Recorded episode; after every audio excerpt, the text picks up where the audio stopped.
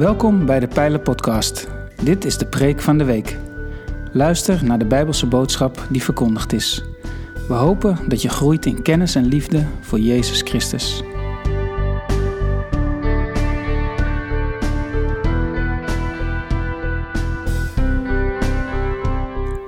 In juli en augustus werken we in de Pijler traditioneel met een zomerpreekrooster. Er zijn geen preekseries. Elke dienst staat op zichzelf. In de beschrijving van elke podcast kun je vinden wie er heeft gepreekt en uit welk Bijbelgedeelte. Zo, goedemorgen allemaal. Fijn om weer zoveel mensen te zien hier. Fijn ook als je deze morgen meekijkt thuis. Van harte welkom. Doe met ons mee. Leef met ons mee. We dienen uiteindelijk een levende God die niet eh, hier alleen is, maar zijn geest gaat over heel deze wereld. En dat is prachtig, dat is mooi. Ik mag vanochtend uh, met jullie nadenken over een gedeelte uit het boek Handelingen, Handelingen 12. En ik ga eerst vertellen van hoe zijn we daar gekomen, hoe komen we in Handelingen 12, omdat dat een hele mooie opmaat is voor uh, wat er dan gaat gebeuren.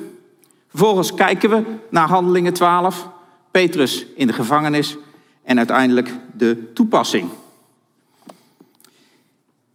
Het boek Handelingen is een uh, prachtig boek. Ook wel de geboorte van de gemeente genoemd. En begint al in hoofdstuk 1. Hoofdstuk 1 waar uh, Jezus teruggaat naar de Vader. En waar de belofte komt van ik stuur jullie de Heilige Geest. Die zal jullie bekrachtigen, die zal jullie kracht geven om straks het evangelie verder te verkondigen. Ik zal bij jullie zijn, niet meer fysiek, maar door mijn geest. En dan wachten de apostelen en dan is het handelingen 2 en dan komt de Heilige Geest. Die komt niet zomaar, die komt als een vuur met heel veel geluid. Met, dat is niet te missen. De Heilige Geest is er. En er gebeurt van alles. Vuur, tongen, ze gaan in vreemde talen spreken. Mensen worden aangeraakt. Sommigen beginnen te spotten, zeggen van die zijn vol van dronken wijn. En anderen worden aangeraakt. Worden aangeraakt met die boodschap. En vragen, wat moeten wij nu doen? En dan komt de boodschap, bekeer je en laat je dopen. En uiteindelijk begint daar de gemeente te ontstaan. En dan lezen we in Handelingen 2, vers 46, of 46, eh, dat ze elke dag trouw bij elkaar komen dat ze alles wat ze hebben delen, dat ze eh, dat doen in een geest van eenheid en vreugde, dat ze God loofden en dat ze in het gunst van de, het hele volk stonden. Prachtig, die eerste gemeente. Een voorbeeld zoals wij ook gemeente mogen zijn. Dan gaat het verder, want de geest geeft ook gaven. In Handelingen 3 staat de genezing van de verlanden genoemd.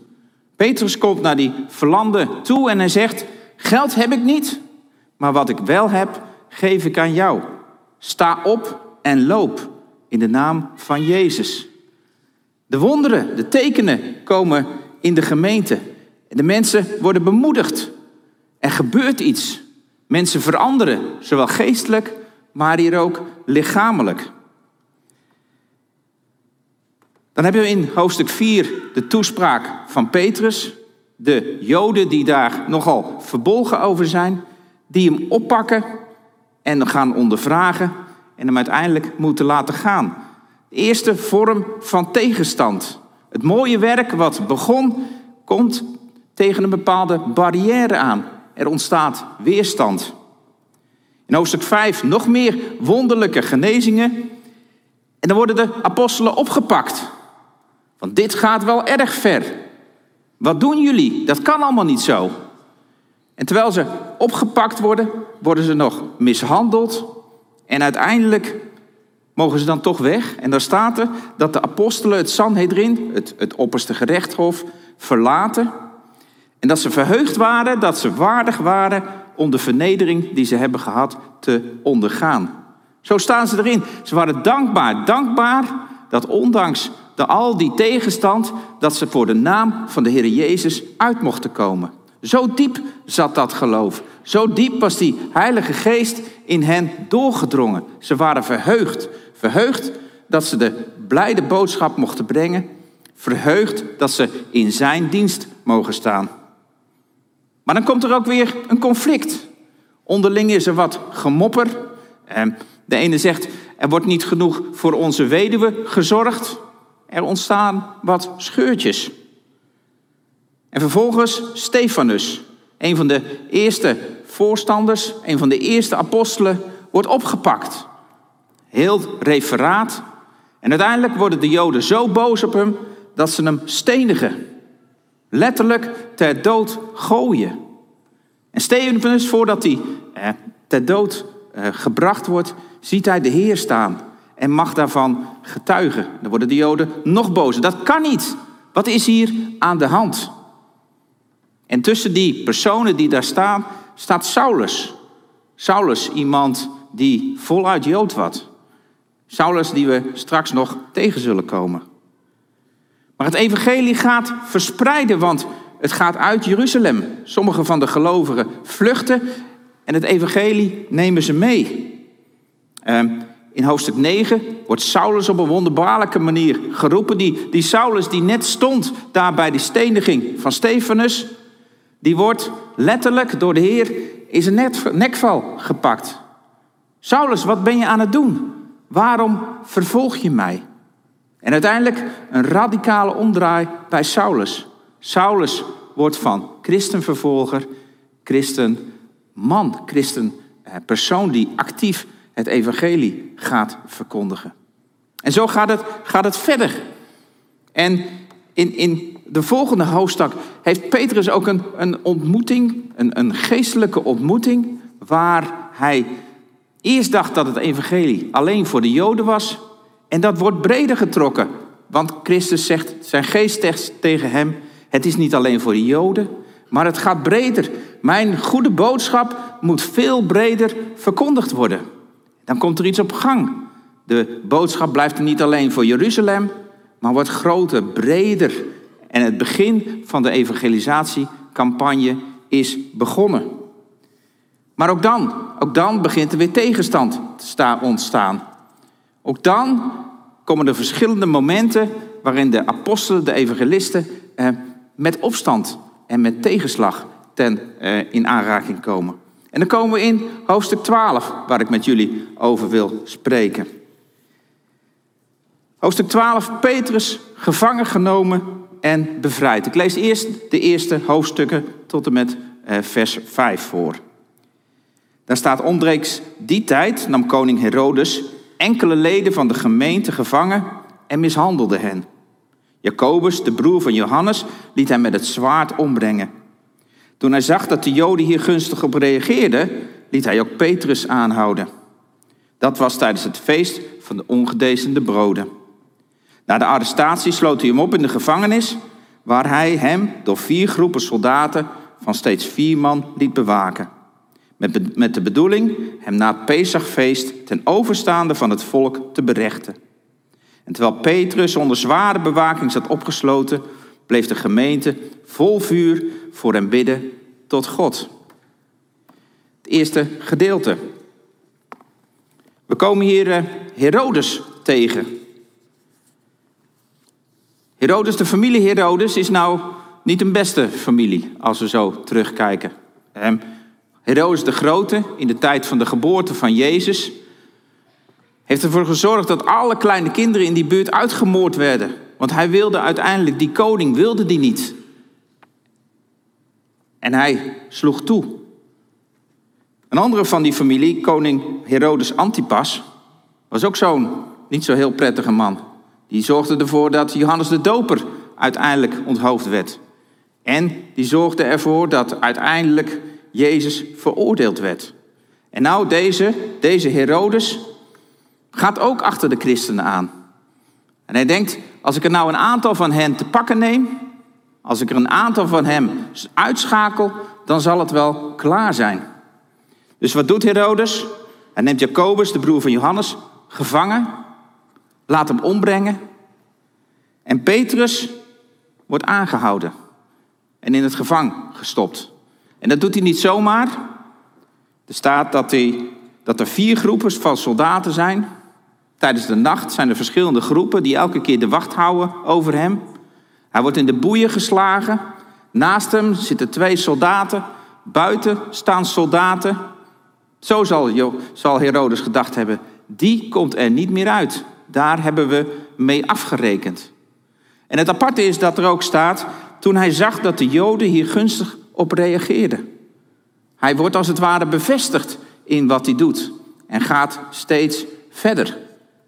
Steeds verder met deze vervolging. En dan gaan we verder. Dan staat er in vers 6, in de nacht voordat hij voorgeleid zou worden, lag Petrus te slapen tussen twee soldaten, aan wie hij met twee kettingen was vastgeketend. Ook voor de deur van de kerker stonden bewakers. Toen verscheen er plotseling een engel van de Heer en een stralend licht vulde de hele ruimte. De engel stootte Petrus aan om hem wakker te maken en zei: Vlug, sta op. Meteen vielen de ketens van zijn handen.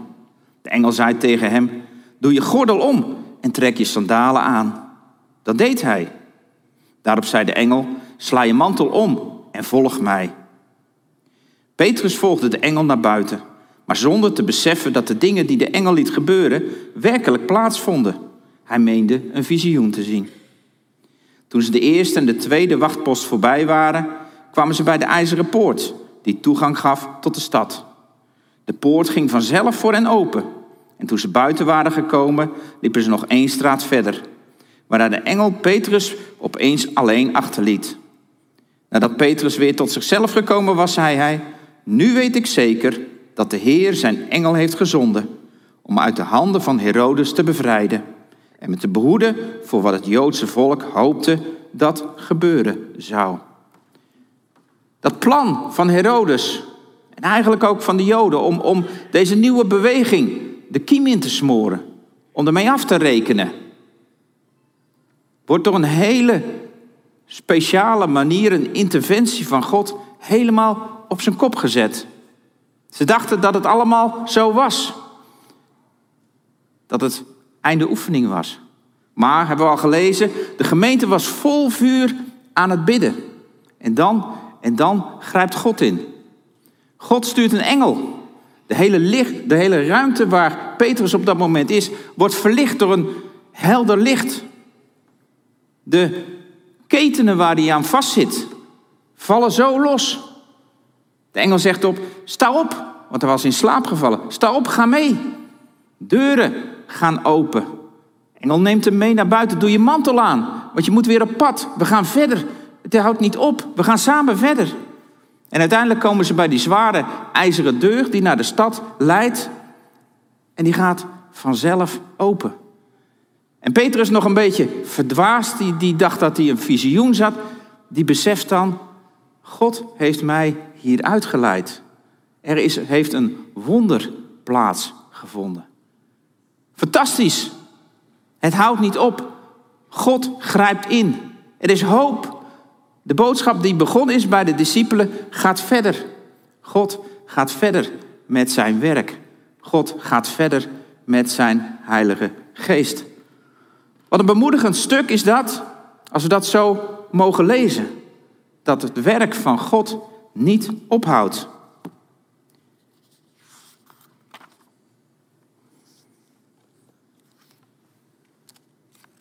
Tegelijkertijd roept dat ook wel vragen op. Vragen in de zin van waar staan wij? Vragen als wat heeft dit nu voor ons te betekenen? Vragen als gebeuren die wonderen nog steeds? Vragen als hoe gaat het met ons als gemeente? Toen ik dit aan het voorbereiden was, toen kreeg ik iets op mijn hart. En, en ik lees hoofdstuk, of, uh, vers 6 voor. En ik, lees, ik verander daar twee woorden in. En moet maar even luisteren. In de nacht, voordat de pijler voorgeleid zou worden, lag de pijler te slapen tussen twee soldaten, aan wie zij met twee kettingen was vastgeketend. Ook voor de deur van de kerker stonden bewakers. lees hem nog een keer voor. In de nacht voordat de pijler voorgeleid zou worden, lag de pijler te slapen tussen twee soldaten, aan wie zij met twee kettingen was vastgeketend. Ook voor de deur van de kerker stonden bewakers. Het beeld van de pijler, de gemeente, die vastzit in de gevangenis, vastgeboeid aan ketenen, niet in staat om vooruit te komen. We hebben als gemeente een moeilijke tijd achter de rug. Corona heeft ons parten gespeeld.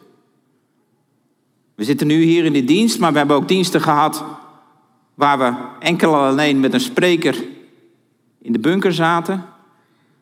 We hebben elkaar gemist. Ik heb jullie gemist. Er zijn ook de afgelopen tijd mensen weggegaan hier uit ons midden op diverse verschillende redenen. Corona heeft ons geraakt als gemeente. Tegelijkertijd zie je ook in de wereld gebeuren dat de wereld verhardt.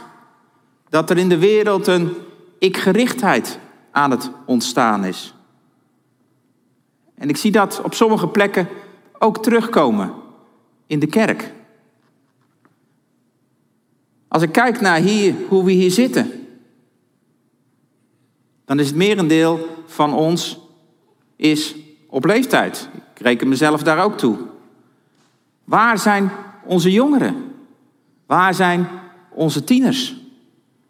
Waar zijn we die kwijtgeraakt? En uitzonderingen daar gelaten. Er zijn natuurlijk ook prachtige verhalen van de afgelopen tijd. Maar toch, ergens heb ik het gevoel dat we als pijler vastzitten. Vastzitten en we er niet zelf uitkomen. En waar Handelingen 12 een hoofdstuk is in een voortgaande serie. Want in Handelingen 13 komt uiteindelijk de reis van Saulus naar de verschillende gemeenten. Het gemeente, de, de, Saulus gaat het evangelie verder brengen. De hele wereld wordt uiteindelijk bereikt met het evangelie. En waar staan wij? Hoe is de pijler daarin? Zo twee vragen die ik jullie wil stellen deze morgen. En ook als je thuis zit mee te kijken. Want in hoeverre komt God aan zijn eer in de pijler? En de tweede vraag die ik jou wil stellen, die ik ons wil stellen als pijler. Wat hebben wij als pijler de wereld nog te bieden? Wat gaat er nog van ons uit? Waar staan wij? Ernstige vragen. En ik denk dat het goed is dat we elkaar soms ernstige vragen stellen. Want het gaat hier uiteindelijk om het koninkrijk van God. Het gaat erom dat die schat, die, dat knijnoot, wat de Heer in ons gelegd heeft, die boodschap van hoop, die boodschap van toekomst, dat die niet hier alleen blijft, maar dat we naar buiten gaan, dat we hier in deze wijk aan de slag gaan. Dat we onderling groeien in saamhorigheid. Onderling groeien in afhankelijkheid. Samen God aanbidden. Wat doet de gemeente in Handelingen 12? Als ze merken dat Jacobus onthoofd is, als Petrus in de gevangenis zit, dan gaan ze bidden. Dan gaan ze samen met z'n allen vurig bidden. En ze roepen als het ware tegen God, het staat er niet, maar dat vul ik zo even in. God help ons. We willen verder, we willen verder met uw boodschap. We willen uw dienstknechten zijn, uw koninklijke priesters. En nu, nu lijkt het uitzichtloos. En ze bidden vurig met elkaar. En ze beroepen zich op de hoop die er is in Christus. De hoop, de belofte die er gegeven is in Handelingen 2. Waarin Jezus zegt, ik ben bij jullie, alle dagen. En ik kan me zo voorstellen dat ze daar zitten en bidden, smeken tot God. En hoe wonderlijk is het dan dat God reageert? Niet door mensen. Misschien hadden ze plannen, maar ik denk als ze die grote poorten, als ze die, al die soldaten hadden gezien, dat ze dan vrij snel tot de conclusie kwamen: het heeft geen zin om hier zelf eh, Petrus vrij te krijgen. Het heeft geen zin om zelf actie te ondernemen. Nee, we hebben het nodig dat God het doet. Hij alleen. En dan antwoordt God op een prachtige manier. Er komt een engel, zoals gezegd. Fantastisch licht. Ketens werden verbroken. Deuren gaan open. En Gods plan, Gods verhaal gaat verder. En dat hoop ik ook, dat bid ik ook dat we dat hiermee zullen maken. Dat wij als pijler de komende tijd uit die ketenen zullen komen. Dat we elkaar weer zullen vinden in het woord van Christus. Dat alle bijzaken bijzaken zullen zijn. Maar dat we elkaar aan zullen kijken en elkaar zullen herkennen in Christus. En tegen elkaar kunnen zeggen, ik ben het misschien niet altijd met jou eens. Maar ik zie, ik weet dat jij een kind van God bent. Dat we zo samen, schouder aan schouder, de Heer aan zullen roepen. Hem zullen smeken. Heere, werk. Werk in ons persoonlijk hart. Maar werk ook samen hier. Opdat wij mogen groeien. Opdat we uiteindelijk van betekenis mogen zijn. Dat deze zaal gevuld is, dat het hele gebouw door de week gevuld is met mensen die God zullen zoeken, die God zullen aanbidden. En dan gaat het niet om de nummers, dan gaat het niet om de aantallen, dat is, daar is het helemaal niet om. Maar het gaat erom dat we, tenminste dat verlangen heb ik en ik hoop jullie ook, dat God hier gaat werken. Opnieuw gaat werken. Door gaat werken. Zou eigenlijk ook eens straks door Waterwijk moeten lopen met elkaar. Hoeveel mensen zijn er hier in Waterwijk die weten wat er in dit gebouw gebeurt? Hoeveel mensen zijn er in deze tijd van corona gedesillusioneerd, eenzaam? En wat een boodschap van hoop, van genade, van liefde hebben wij. Het wordt tijd, lieve mensen, dat die ketenen losgaan. Het wordt tijd dat we beseffen dat we een kostbare schat in handen hebben. Het wordt tijd dat we op pad gaan. Het wordt tijd dat we dat samen gaan doen. Samen in de naam van Jezus. Ik hoop, ik bid dat jij hier, dat jij thuis mee wilt gaan. Allereerst biddend. Heer, verbreek die ketens. Heer, laat uw wonderwerk zien. Maak los dat wat vast is. En dat we dan samen, schouder aan schouder, eensgezind, in de naam van Jezus, in deze wereld mogen gaan en zeggen: er is niets, niets beter dan Christus te kennen. Ga jij mee? Ga jij bidden? Ik hoop het. Amen.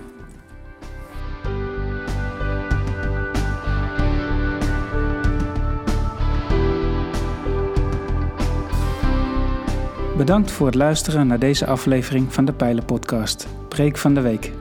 Heb je vragen naar aanleiding van deze preek? Stel ze. Dat kan via een e-mail naar onderwijs.pijler.nl. We helpen je graag verder in je groei als leerling van Jezus Christus. Abonneer je op deze podcast, zodat je altijd op de hoogte blijft van het onderwijs uit de pijler. Goede week gewenst, ga in vrede, want God is nabij.